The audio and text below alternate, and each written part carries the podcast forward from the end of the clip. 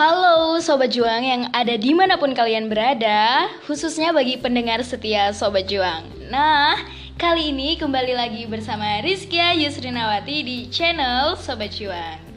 Oke, akhir-akhir ini kita sering banget kan panik gara-gara denger itu virus corona udah nyebar ke sini kayak ke situ kasusnya udah berapa orang kayak yang mati berapa yang sembuh berapa. Kita panik banget nggak sih dengerin kayak gitu sampai-sampai nih ya di kampusnya Yis bahkan di sekolah adiknya Yis tuh terus di seluruh jenjang pendidikan di Indonesia ini pada di lockdown jadi semua proses belajar mengajar dipindahkan ke daring dalam jaringan atau lebih tepatnya online.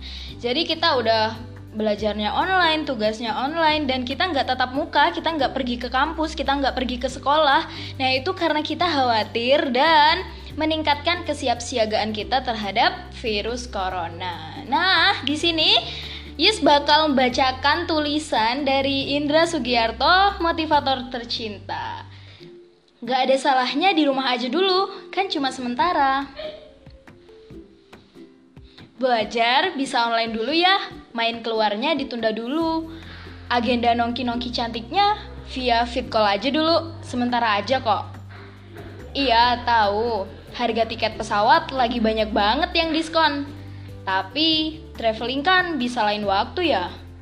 Kasihan saudara kita, teman kita, rekan kantor kita kita nggak tahu loh kita ini carrier corona atau enggak selama kita lagi traveling nanti. Kalau kita semua tenang di rumah dan beraktivitas di luar secukupnya, semoga semua ini segera berlalu. Kalau kebanyakan yang kena virus corona, pastinya nanti petugas rumah sakit bakal kewalahan kan? Jadi kamu harus tetap sehat ya.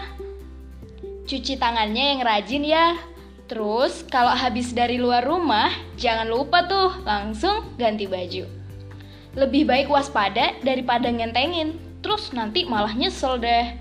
Pokoknya, sekarang mah worry is better than sorry. Kamu bisa jadi kebal sama virusnya. Iya, ngerti. Kamu tuh kan masih muda, jadi bakal baik-baik aja kalaupun kena. Tapi saat kamu menularkan ke orang tua atau ke orang yang sudah sakit bawaan, kan bisa fatal ya. Jadi tolong, jangan anggap remeh ya. Kalau bosen di rumah, coba baca buku, atau nonton film, atau masak mungkin. Cari cara kreatif biar nggak bosen. Kamu pasti bisa deh. Ngomong-ngomong, baca buku itu seru loh perasaan dan pikiran kamu bakal tercabik-cabik. Kalau bukunya bagus sih, hehehe. Sama satu lagi, please buat teman-teman Jabodetabek, kalau memungkinkan jangan mudik dulu ya. Kasihan keluarga, kota asal, atau desa asal kamu. Kalau tanpa kamu sadari, ternyata kamu karir corona. Sekali lagi, nggak ada salahnya di rumah aja dulu. Kan cuma sementara.